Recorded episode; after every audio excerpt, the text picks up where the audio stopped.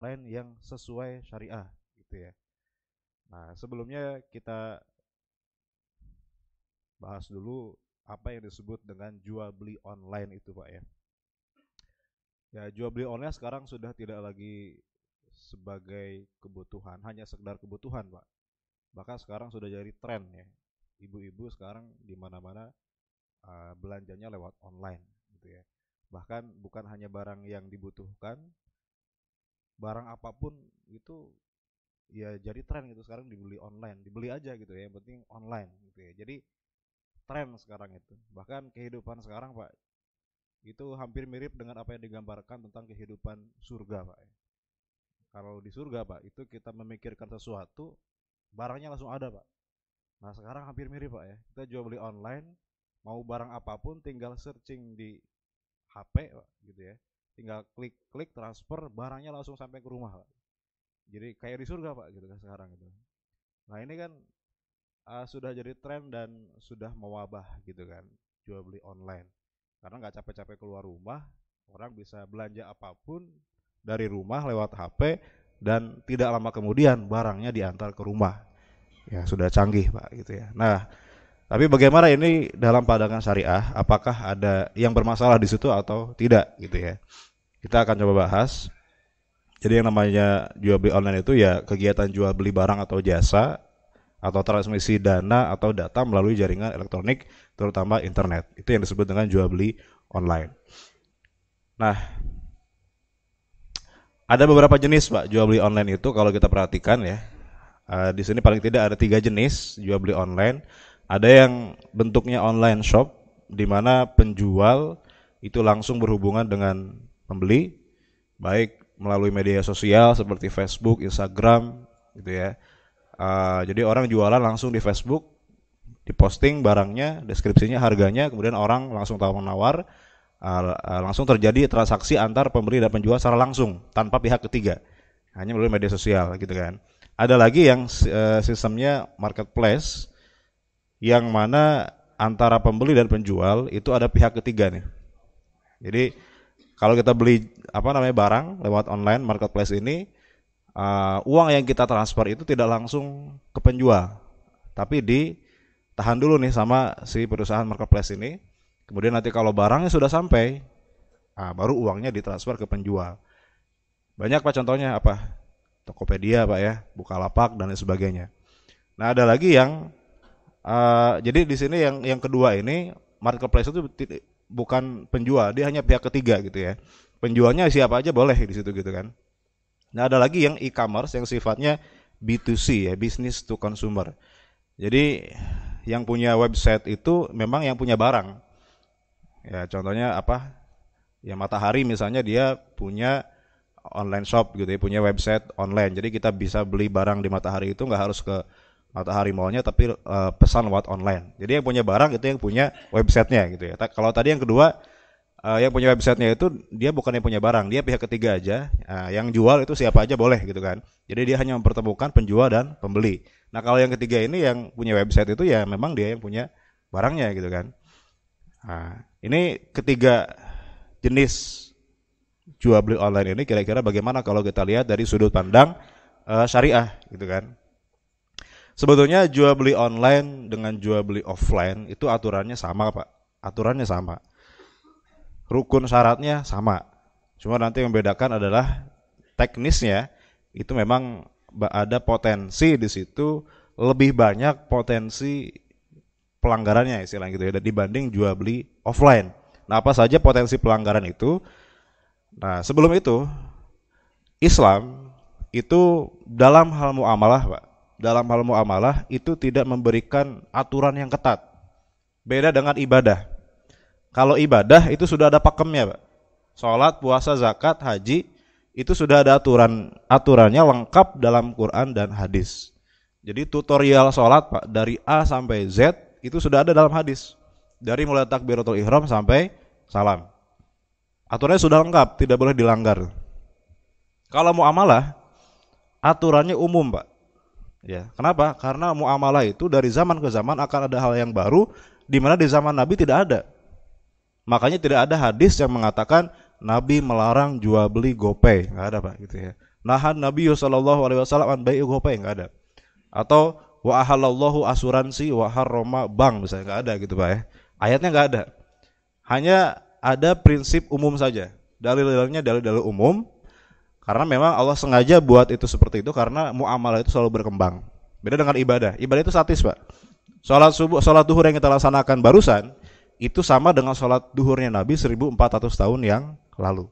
Sampai kiamat itu nggak nggak bakalan berubah pak. Sholat duhur nggak bakalan jadi lima rakaat karena ada inflasi misalnya gitu pak ya. Nggak ngaruh pak gitu ya. Tapi kalau mau amalah, nah itu selalu berkembang sehingga uh, wahyunya terbatas, kegiatan muamalah terus berkembang, maka di sini porsi istihad lebih banyak dalam muamalah ketimbang dalam ibadah. Kalau ibadah istihadnya sedikit, kenapa? Karena dalilnya lengkap. Dalilnya lengkap. Tapi kalau muamalah istihadnya lebih banyak. Istihad itu apa, Pak? pendapat para ulama ya untuk menyimpulkan hukum dari Quran dan Sunnah itu istihad. Jadi di sini banyak melibatkan pemahaman ulama dari dalil yang terbatas itu. Makanya kaidah dalam ibadah dengan dalam muamalah itu berbeda. Kalau kaidah dalam ibadah, Pak, asal hukum dalam ibadah itu apa? Ah, ada yang bilang haram, ada bilang at-tauqif. At-tauqif itu apa? Berdasarkan wahyu. Artinya kalau tidak ada wahyunya, ya nggak boleh melaksanakan ibadah kita ngarang sendiri gitu maksudnya. Salat subuh dua rakaat, nggak boleh kita tambah jadi empat rakaat, gitu kan? Asal hukum dalam ibadah adalah tidak boleh kecuali ada dalil yang membolehkan. Tapi dalam muamalah sebaliknya. Kalau muamalah asal hukum ya adalah semuanya boleh kecuali ada dalil yang mengharamkan. Al aslu fil muamalah al hillu wal ibahah. Asal hukum dalam muamalah itu adalah boleh semuanya kecuali ada dalil yang memang secara eksplisit mengharamkan transaksi tersebut. Maka dalam muamalah itu yang halal lebih banyak daripada yang haram. Kalau kita mau tahu hukum suatu transaksi yang kita tanyakan lebih dulu apa? Adakah dalil yang mengharamkan atau mengharamkan? Mengharamkan. Kalau nggak ada, berarti hukumnya apa? Boleh. Kembali kepada hukum asalnya, boleh. Jadi kita cari dulu adalah ada nggak dalil yang mengharamkan, gitu ya. Nah, jual beli online ini ada nggak praktek yang diharamkan di situ? Nah, jadi cara mengidentifikasi suatu transaksi atau suatu kegiatan jual beli itu uh, sesuai syariat atau tidak, kita scan dulu, Pak. Ini ada unsur yang diharamkan nggak di situ? Jadi nggak bisa kita langsung ini haram, ini halal. Kita bedah dulu, Pak. Ini anatominya bagaimana? Ada nggak unsur yang diharamkan di situ? Maka dalam Islam itu dalam muamalah Islam memberikan kemudahan dan keleluasaan dalam bermuamalah. Apa pun jenis transaksinya, apa pun bentuk transaksinya semua dibolehkan asalkan tidak ada dalil yang uh, dilanggar gitu ya. Prinsip dasarnya adalah semua halal selama bebas dari unsur-unsur yang diharamkan. Pertanyaannya sekarang apa saja unsur-unsur yang diharamkan dalam muamalah? Nah, ini yang penting kita ketahui, Pak. Karena kalau kita tahu apa saja yang diharamkan, berarti sisanya apa? Boleh. Masalahnya kita nggak tahu yang diharamkan apa aja kan gitu ya. Jadi yang haram-haram kita tabrak. Nah, kita harus tahu dulu, Pak, mana yang haram sehingga kita bisa hindari yang haram-haram itu. Kalau kita tahu di Jalan Rasuna Said ini ada razia polisi, Pak, kita bawa motor nggak pakai helm, kira-kira kita lewat nggak Pak situ? Nggak bakalan Pak ya, karena tahu di situ ada razia. Tapi kalau kita nggak tahu Pak, bisa jadi kita bablas aja ditilang kan gitu ya. Nah dalam muamalah kita harus tahu dulu yang haram-haram yang haram-haram itu apa aja. Sehingga kalau kita tahu berarti kita bisa menghindari minimal. Karena memang kata Nabi pak, uh, layak tiana ala nasi zamanun layak hum ahadun illa akilu riba. Ini agak serem nih prediksi Nabi itu. Kata Nabi akan datang suatu zaman di mana tidak tersisa satu orang pun kecuali dia makan harta riba. Famalam yakul asabahu min gubarihi. Orang yang tidak makan riba pun dia akan terkena debunya riba. Nah, kira-kira sekarang udah terjadi belum Pak zaman itu? Udah terjadi Pak ya. Sekarang sistem keuangan kita ya dikuasai dengan sistem ribawi. Selama kita pakai uang kertas Pak, selama itu juga berarti kita masih terlibat dalam sistem ribawi itu. Minimal terkena debunya riba itu. Makanya kita sekarang Pak di akhir zaman ini banyak banyakin istighfar aja Pak gitu ya. Minimal kita bisa menghindari itu yang jelas-jelas yang haram-haramnya itu. Nah, kalau misalnya terkena debunya ya kita mau gimana lagi kan memang kita hidup di zaman yang memang kita bisa tidak tidak bisa terlepas dari yang namanya riba tadi. Nah minimal kita tahu yang haram-haram itu apa saja. Pertama, ada yang disebut dengan maisir. Maisir itu apa? Ada yang pernah dengar apa kata maisir itu apa? Maisir itu judi, ya. Ada yang disebut dengan goror. Ada yang disebut dengan riba, ada jual beli batil. Maisir itu yang akad yang ada unsur judinya, spekulasi. Kemudian goror ada ketidakjelasan dalam dalam aspek akadnya. Kemudian riba kita tahu Pak ya, tambahan yang menzolimi terhadap orang yang berhutang. Nah, kemudian jual beli batil. Akadnya sah, tapi objek akadnya diharamkan. Jual beli khamar, jual beli narkoba dan lain sebagainya. Atau akadnya sah, barangnya halal, tapi terjadi di waktu yang tidak diperbolehkan. Contohnya kapan? Jual beli pada saat azan Jumat. Jual belinya sah, Pak tapi haram. Gitu. Jual belinya tapi haram. Kita boleh tuh apa namanya memiliki barang yang sudah kita beli tapi kita berdosa karena kita jualannya pada saat yang diharamkan yaitu pada saat azan Jumat. Akadnya sah, barangnya halal tapi waktunya atau tempatnya yang tidak diperbolehkan di mana? Di masjid. Itu namanya jual beli batil. Jadi selama tidak ada unsur yang diharamkan ini, nah berarti suatu transaksi itu kembali kepada hukum asalnya itu boleh. Nah sekarang kita coba kira-kira dijual beli online ini ada nggak potensi dari keempat hal ini? Cuma kalau kita bahas satu-satu ini agak panjang pak ya. Ini butuh satu pertemuan tersendiri nih satu-satu ini. Tapi kita bahas secara umum aja gitu ya. Kira-kira ada nggak maisir dalam jual beli online? Ya nama maisir itu apa pak? Maisir itu judi kan ya. Adanya unsur taruhan antara dua pihak di mana yang menang mengambil harta yang kalah ya di mana ditentukan pemenangnya itu dengan suatu permainan suatu media suatu kegiatan dan lain sebagainya nah uh, ada nggak dalam jual beli online potensi maisir di situ. Saya kira kalau yang sifatnya tadi tiga macam tadi itu kayaknya nggak ada sih pak ya yang disebut dengan maisir cuma memang kalau judi online sekarang banyak pak judi online ya kan? Judi online banyak. Sekarang taruhan bola aja nggak harus ketemuan pak ya. Ada websitenya ya. Ah ini pak. Ada situsnya judi online itu.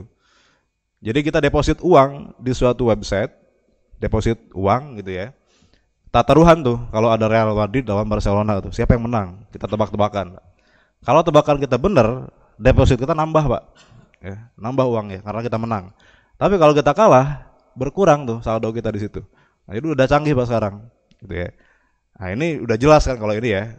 Kalau ini kita nggak bahas karena memang ini bukan jual beli online, ini memang murni judi online. Ada lagi yang ini agak samar-samar nih ya. Trading forex. Jual beli apa namanya? Foreign exchange ya, apa namanya mata uang asing gitu ya. Nah, ini memang ada potensi maisir di situ. Ada potensi spek spekulasi di situ ada yang kayak mendadak gara-gara ini, ada juga yang langsung miskin mendadak gara-gara trading forex. Sehingga di sini potensi mesir ada di situ ya. Makanya kemudian MUI mengeluarkan fatwa bahwa yang dinamakan dengan trading forex itu ada beberapa jenis transaksinya yang mana dari keempat transaksi ini tiga diharamkan, satu dibolehkan. Ada yang dimasuk dinamakan dengan transaksi spot ini saya pun nggak terlalu paham karena saya nggak pernah pak gitu ya masuk ke dunia ini gitu kan tapi ini fatwanya sudah ada silakan nanti bisa dicek di websitenya DSN MUI itu sudah mengeluarkan fatwa bahwa tiga jenis transaksi trading forex diharamkan karena mengandung unsur mesir judi tapi yang satu bolehkan gitu. Jadi intinya itu jadi kalau dalam jual beli online saya kira tidak ada potensi mesirnya nah yang kedua ini yang banyak potensinya yaitu goror goror ini Pak, nah ini potensi goror dalam jual beli online sangat besar. Kenapa? Karena kalau jual beli offline Pak, kita ketemu langsung dengan pedagangnya jelas. Barangnya kelihatan, penjualnya ada, transaksinya tunai, gitu ya. Bisa kelihatan barangnya ada cacat apa enggak. Jelas. Nah, tapi kalau jual beli online ini potensi gorornya sangat besar. Kenapa? Karena kita ketemu langsung dengan penjualnya, barangnya nggak ada di situ, nggak bisa kita lihat, cuma ada fotonya doang gitu ya, bisa jadi sampainya bener apa enggak gitu kan. Karena ada kasus juga pak. Sampai ada yang jual beli iPhone di website online eh datangnya sabun batangan pak gitu kan. Bayangin kan gitu ya. Beli iPhone datangnya sabun batangan. Kan ini kan nah ini potensi gorornya sangat tinggi. Nah tapi kita uh, breakdown dulu yang dinamakan dengan goror itu apa Jadi goror itu Pak, ya, itu sifat dalam muamalah yang menyebabkan sebagian rukunnya tidak pasti. Jadi kan jual beli itu ada rukunnya Pak ya. Ada penjual, ada pembeli, ada uang atau harga, kemudian ada barang yang diperjual belikan. Nah ini akad jual beli dengan akad nikah memang ada perbedaan Pak ya. Kalau akad jual beli ini agak sedikit longgar aturannya, beda dengan akad nikah. Kalau akad nikah Pak, antara kalau akad nikah itu kan dalam Islam laki-laki dengan laki-laki Pak ya. Nggak ada laki-laki dengan perempuan Pak gitu kan. Calon mempelai laki-laki dengan walinya perempuan gitu kan. Nah ini pertama syaratnya harus satu majelis, harus ketemu Pak. Satu majelis. Satu majelis. Jadi kalau nggak satu majelis itu nggak sah akad nikahnya. Nah makanya kalau misalnya perempuannya di luar negeri, laki-lakinya di sini, maka bisa dengan cara mewakilkan orang di sana. Jadi tetap satu majelis walaupun dengan wakil. Asalkan wakilnya amanah, Pak, gitu ya. Jadi harusnya nikahin orang lain tapi nikahin dengan dirinya sendiri kan gitu ya. Enggak amanah berarti gitu kan. Nah, asalkan amanah maka bisa nikah dengan cara diwakilkan asalkan satu majelis. Tapi kalau jual beli itu nggak harus satu majelis, Pak. Zaman dulu orang jualan juga pernah yang nggak satu majelis gitu kan dengan mengirim utusan. Jadi penjual dan pembeli tidak langsung ketemuan. Nah zaman sekarang Pak kita praktekkan sehari-hari bukan hanya jual beli online.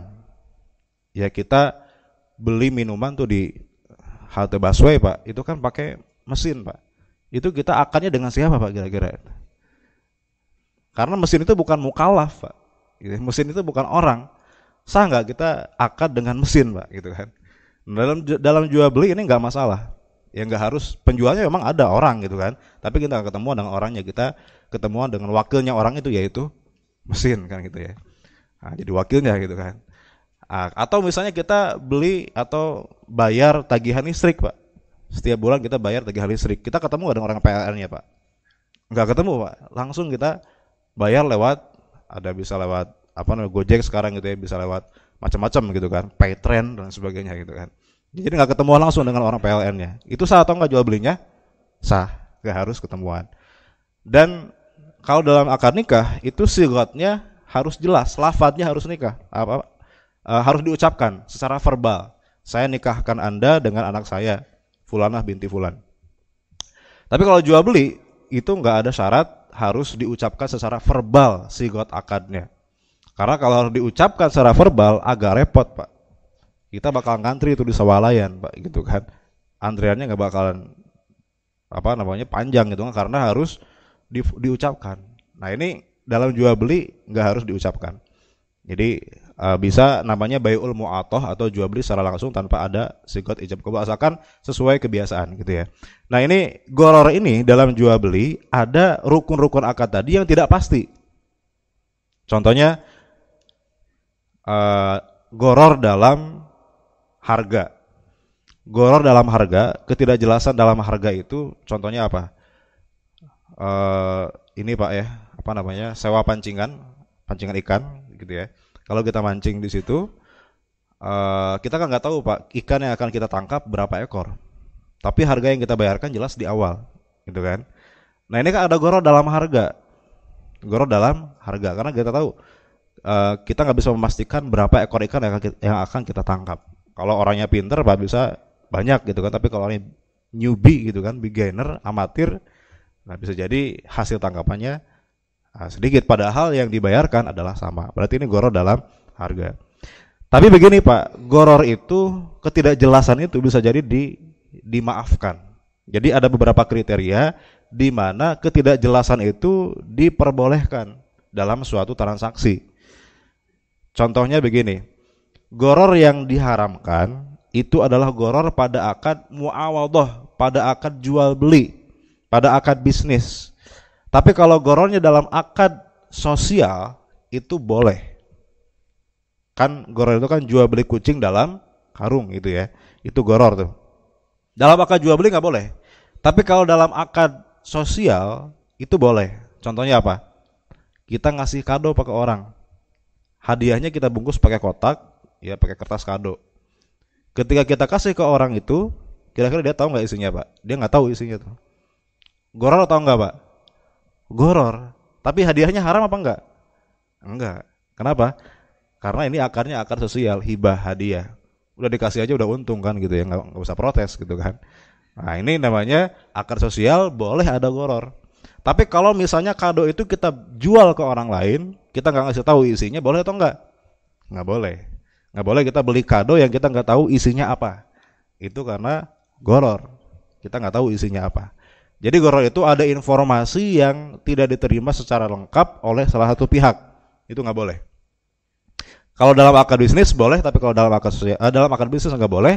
Tapi kalau dalam akad sosial maka itu diperbolehkan. Nah jual beli ini akad bisnis, maka nggak boleh ada goror. Kemudian termasuk goror berat yang diharamkan. Jadi ada goror berat, ada goror ringan. Kalau gorornya ringan, maka nggak masalah. Nah pertanyaannya adalah ringan berat itu ukurannya apa?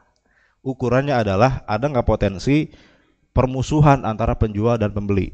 Adakah potensi orang itu merasa dirugikan di situ? Kalau nggak ada, maka gorornya nggak masalah. Contoh pak goror yang ringan, kita naik taksi pak. Ketika kita masuk pak, kita tahu nggak ongkosnya berapa tuh? Nggak tahu pak. Berarti goror atau enggak? Goror ini harganya goror pak. Tapi naik taksi haram apa enggak? Haram. Eh, enggak haram. Kenapa? Karena itu gorornya goror ringan.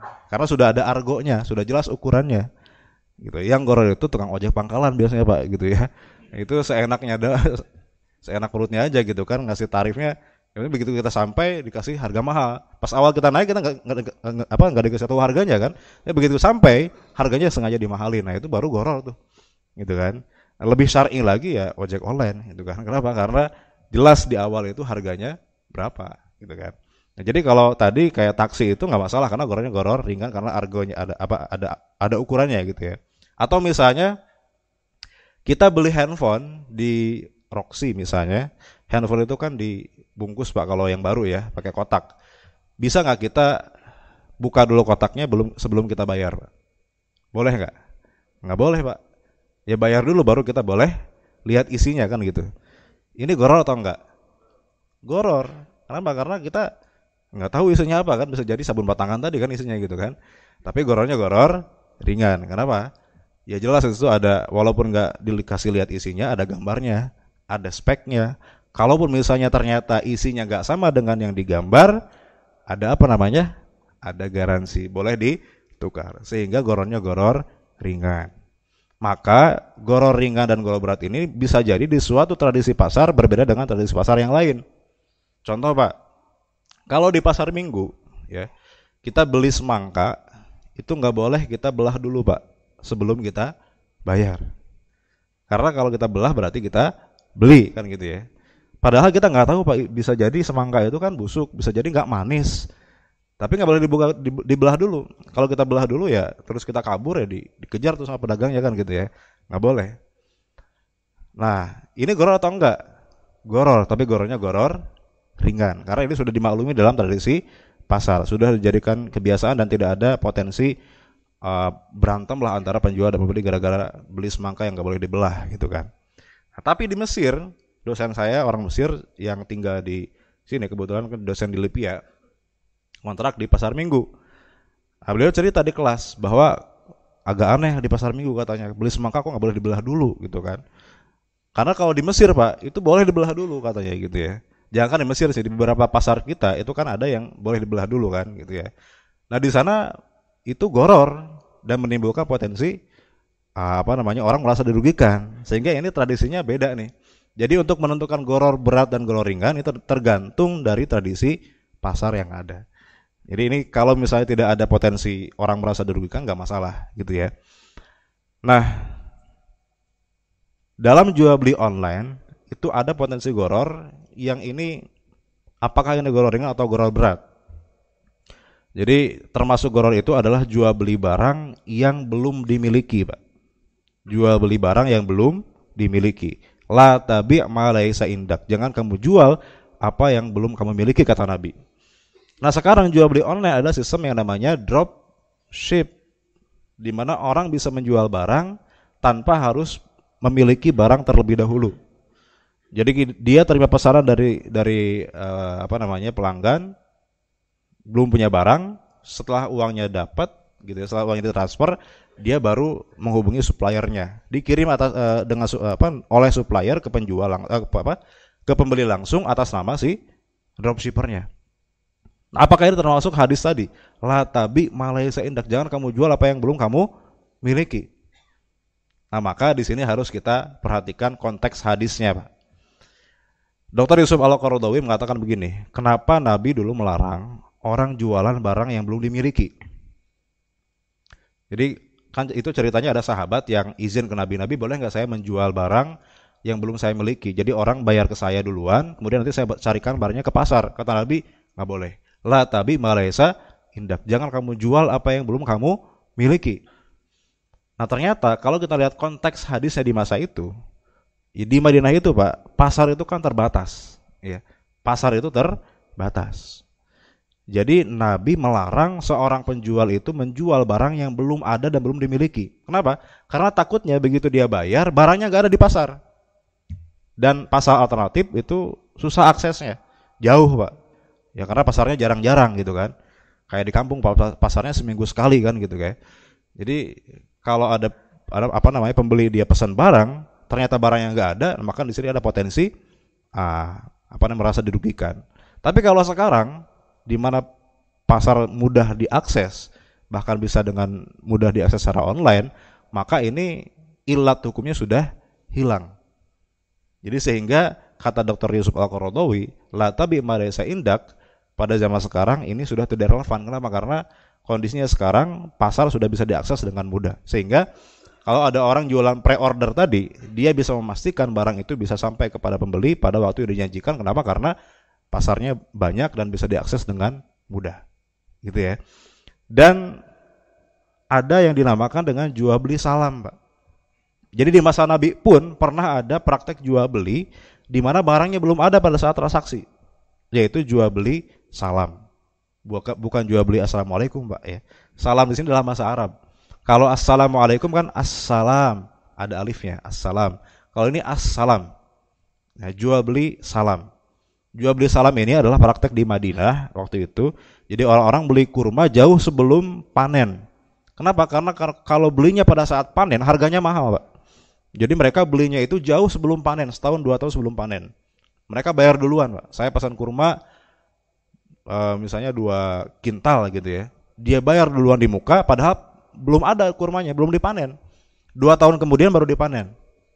Ketika Nabi datang ke Madinah, kemudian melihat praktek tersebut, Nabi mengatakan, boleh, tidak Nabi tidak melarang asalkan dengan syarat kurmanya harus jelas spesifikasinya, kemudian harus jelas ukurannya, beratnya dan lain sebagainya.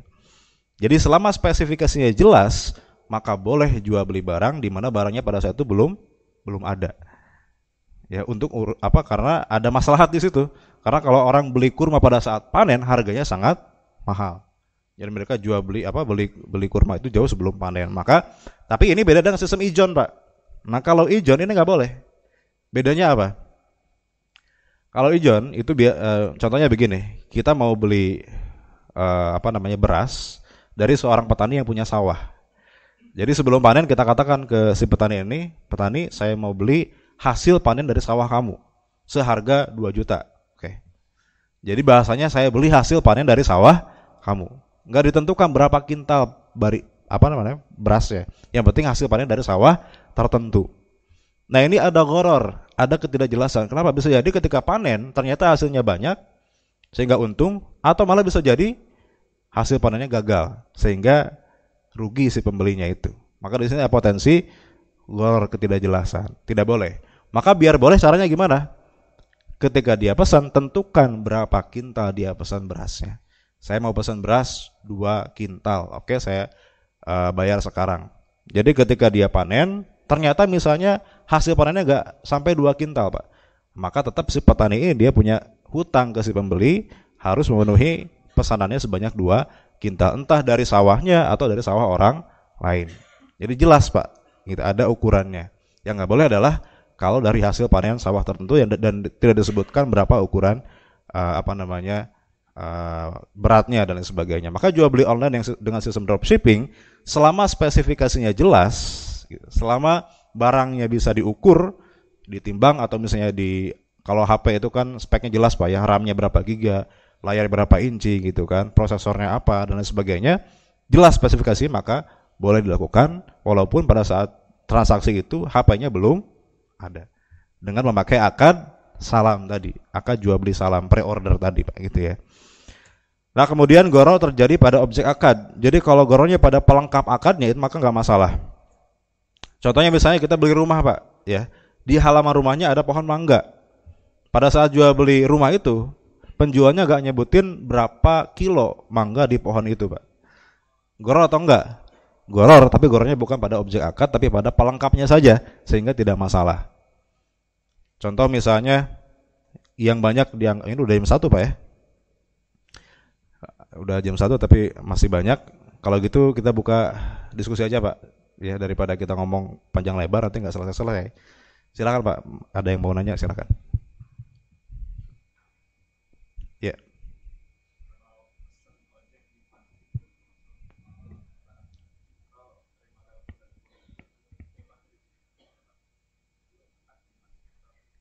Ya. Nah ini bagus pertanyaannya Pak. Jadi memang di zaman Nabi itu kan jual beli dilarang di masjid Pak. Gitu ya. Ada orang jualan di masjid kata Nabi mudah-mudahan Allah merugikan jual belinya gitu ya. Allah tidak ngasih keuntungan. Didoakan oleh Nabi gitu kan. Artinya jual beli ini tidak boleh di masjid. Hanya saja kalau di zaman Nabi Pak, jual beli itu pasti ketemu antara penjual dan pembeli. Dan biasanya jual beli di pasar itu banyak negatifnya Pak, banyak sumpah serapahnya, banyak kebohongan dan sebagainya sehingga ini tidak cocok kalau dilaksanakan di masjid. Maka Nabi larang. Karena ya apa bedanya masjid dengan pasar kalau begitu. Nah tapi sekarang Pak, ini jual belinya nggak harus pakai sumpah serapah, nggak harus pakai uh, ayo boleh kakak gitu kan, nggak nggak harus begitu Pak gitu kan. Karena kenapa? Karena harus eh, sekarang boleh dengan uh, bisa dengan online, cukup dengan HP kita nggak harus ketemu dengan penjualnya. Diem-diem aja Pak, kita bisa belanja tuh. Nah maka ini sesuatu yang baru. Artinya di zaman Nabi nggak ada. Maka di sini ulama berbeda pendapat nih. Nah, ada yang mengatakan nggak boleh kenapa? Karena ini termasuk jual beli, walaupun nggak ketemu langsung dengan menjualnya. Ada yang mengatakan ini nggak masalah. Kenapa? Karena jual beli sekarang berbeda dengan jual beli. Nah, jual beli online tidak sama dengan jual beli di zaman Nabi yang mana penjual dan pembeli itu ketemu langsung dan uh, kelihatan uh, kegiatan jual belinya sehingga ini tidak cocok di apa namanya dipraktekkan di masjid. Tapi kalau jual beli online ini kan diam-diam nggak kelihatan gitu ya sehingga dibolehkan. Maka hati-hatinya pak, hati-hatinya ya seperti kencing lah pak ya. Kalau mau kencing kita nggak boleh di masjid pak. Ke mana? Keluar dulu pak, gitu kan, ke WC dulu. Maka kalau mau pesan ojek gitu ya atau atau mau beli barang online, kalau bisa sih jangan di masjid. Ini hurujan minal khilaf. Hati-hati aja pak, walaupun ada yang membolehkan, ya hati-hatinya kita keluar dulu pak ya apa susahnya kita keluar dulu kemudian baru kita pesan nggak masalah nggak nggak nggak susah lah kalau gitu ya baik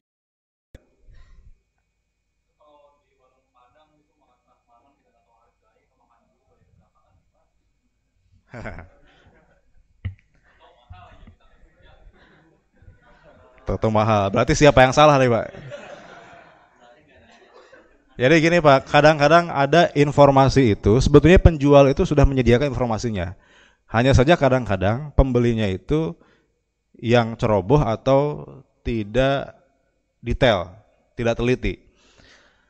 Ada misalnya begini Pak, tapi ini memang kadang-kadang ada juga penjual yang nakal Pak, jadi mempermainkan kata-kata. Jadi ada orang yang jualan peci Pak ya, peci hitam, itu tulisannya di dalam ada tulisan anti air, gitu kan. Wah orang senang pak, wah anti air berarti kalau kena air nggak rusak gitu kan. Padahal maksudnya adalah anti air itu nggak boleh kena air pak, gitu ya. Jadi pecinya nggak boleh kena air gitu kan. Nah, saya sama kayak pramuka anti mandi, berarti pramuka nggak boleh mandi kan gitu ya. Berarti ini peci anti air maksudnya adalah peci nggak boleh kena air. Itu yang salah siapa penjual atau pembeli pak? Ya benar juga sih pak ya. Tapi ini tergantung maksud si penjual ini. Kalau memang maksudnya menyesatkan, ya dia berdosa gitu kan. Atau misalnya begini, yang ini memang penjual jujur sebetulnya nggak nggak apa namanya nggak nggak menyesatkan. Contohnya orang kasih diskon pak di toko baju misalnya 50 plus 20 sama nggak pak dengan 70 beda pak. Tapi kalau orang yang nggak tahu pak 50 plus 20 berarti 70 persen. Gede juga diskonnya kan? Dibeli. Padahal 50 plus 20 itu nggak nyampe 70 persen pak. Paling 60 persen. Nah ini kan sebetulnya benar sih gitu ya informasinya benar tapi memang kadang-kadang pembeli yang tidak detail gitu ya Maka tadi Padang itu sebetulnya ya dia kalau ditanya harganya dia pasti jawab kan itu Pak ya. Ya salah kita kenapa kita nggak nanya harganya kan gitu ya. Berarti siapa yang salah di sini kan gitu ya. Sama kayak apa namanya beli modem zaman dulu ya. Itu ada kecepatannya misalnya 30 Mbps up to 30 Mbps. Eh ternyata setelah dibeli itu 100 KB aja nggak dapat pak gitu kan. Nah ini yang salah siapa? Nah sebetulnya penjual nggak nggak nggak bohong juga pak. Kenapa? Karena ada tulisan up to-nya, gitu kan. Up to itu ya bisa kalau sendirian dia yang make kan gitu ya. Kalau rame-rame yang make ya lelet juga pada akhirnya kan gitu ya. Nah jadi ini informasi yang sebetulnya jujur sih gitu ya, nggak bohong gitu kan. Tapi memang kadang-kadang orang tersat di situ ya. Jadi tergantung ini niat, niat si penjualnya nih, dia memberikan informasi itu memang untuk promosi aja sekedar apa namanya atau memang tujuannya menyesatkan. Kalau menyesatkan ya dia berdosa kan gitu ya. Nah, baik. Ada lagi pak? Silakan.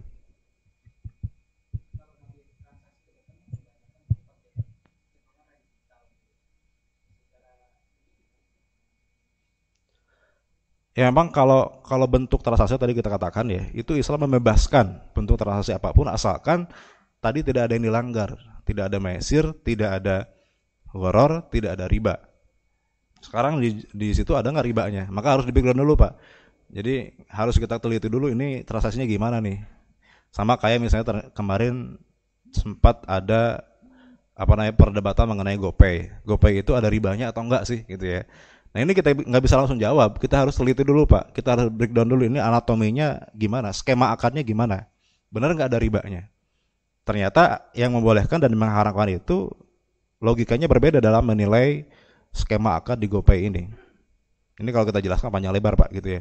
Jadi intinya kita harus teliti dulu ini ini akadnya uh, skemanya bagaimana, kemudian takif fikihnya atau ini uh, apa namanya di, dikembalikan kepada uh, teori fikih muamalahnya ini sesuai apa enggak gitu ya. Jadi harus diteliti lebih dahulu karena uang digital atau imani itu juga banyak macamnya gitu Pak. Termasuk GoPay itu kan imani juga gitu ya.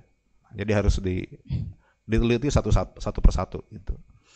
Makanya ada yang namanya Dewan Syariah Nasional itu yang berfungsi untuk mengeluarkan fatwa gitu kan. Ada MUI dan lain sebagainya. Mereka yang meneliti dan mereka yang mengeluarkan fatwanya gitu. Baik, kalau tidak ada lagi sudah boleh satu lagi atau gimana? Boleh ya terakhir ya? ya. Wah.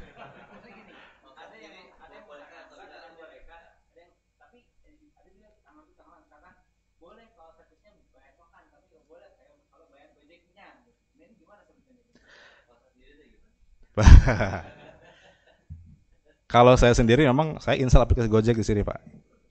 Gini, jadi memang ada dua pendapat. Ada yang mengharamkan, ada yang membolehkan. Kenapa diharamkan? Karena menganggap itu ada ribanya. Kenapa ada ribanya? Riba itu kan tambahan atas hutang piutang. Jadi dianggap ketika kita top up saldo di GoPay itu seakan-akan kita meminjamkan uang kepada Gojek. Nah, karena kita sebagai pemberi pinjaman, ada manfaat yang kita ambil di situ, yaitu apa? Berupa diskon.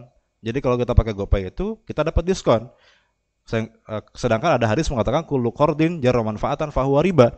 Setiap utang piutang yang mendatangkan nilai tambah bagi si pemberi hutang itu adalah riba. Nah, ini kita sebagai pemberi hutang kepada si Gojek ini dapat nilai tambah berupa diskon kalau pakai GoPay. Nah, ini kalau dikatakan akadnya adalah hutang piutang. Tapi yang membolehkan menganggap ini akarnya bukan hutang piutang. Kalau ribanya sepakat haram, Pak. Semua ulama sepakat mengatakan riba itu haram. Hanya saja benar nggak ini ada ribanya di situ. Nah, yang menghalalkan itu menganggap transaksinya bukan utang piutang, tapi jual beli jasa. Jadi begitu kita top saldo di Gojek itu bukan dalam rangka menghutangkan pihak Gojek, tapi dalam rangka untuk membeli jasanya Gojek. Karena kalau hutang piutang itu Pak, elemennya cuma tiga pemberi hutang, uang yang dihutangkan dan peminjam. Cuma tiga. Tapi kalau jual beli ada tambahan keempat yaitu ada objek yang diperjualbelikan. Di sini ada nggak? Ada, yaitu berupa apa? Jasa. Jadi di sini jual beli jasa yang lebih cocok sebetulnya. Sama seperti jual beli pulsa, Pak. Itu kan jual beli apa? Kan nggak ada barangnya. Jual beli apa? Jasa.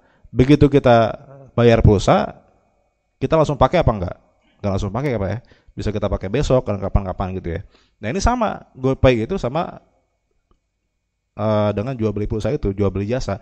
Hanya saja jual beli jual beli jasa yang tidak tunai. Jadi uh, uangnya kita transfer duluan secara tunai, tapi jasanya kita nikmati di kemudian waktu. Sebenarnya kalaupun kita mau nikmati pada saat itu juga bisa juga kan, tapi nggak uh, bisa boleh kita pakai besok dan lain sebagainya. Jadi ini uh, akadnya adalah akad jual beli jasa. Jadi kalau jual beli jasa ada diskonnya, nggak masalah, gitu ya, nggak masalah karena ini akadnya bukan hutang. Kalau dianggap hutang memang ini dianggap riba karena ada manfaatnya, ada nilai tambahnya. Jadi tergantung nih kita lebih cocok yang mana nih kira-kira ini termasuk utang piutang atau jual beli jasa. Silahkan. Kalau mau ikut yang mengharamkan ya jangan install aplikasi Gojek di HP antum. Haram itu hukumnya. Nah, gitu ya. Jadi kalau apa namanya konsisten ya harus konsisten gitu ya harus ya kita katakan haram ya jauhi semua gitu ya jangan pakai Gojeknya dan lain sebagainya gitu ya. Baik, saya kira itu yang bisa saya sampaikan pada siang hari ini. Mudah-mudahan ada manfaatnya bagi kita semua. Kita tutup dengan doa kafaratul majlis. Subhanakallahumma wa bihamdika asyhadu an la ilaha illa anta astaghfiruka wa atubu ilaik. Aku lakum wassalamualaikum warahmatullahi wabarakatuh.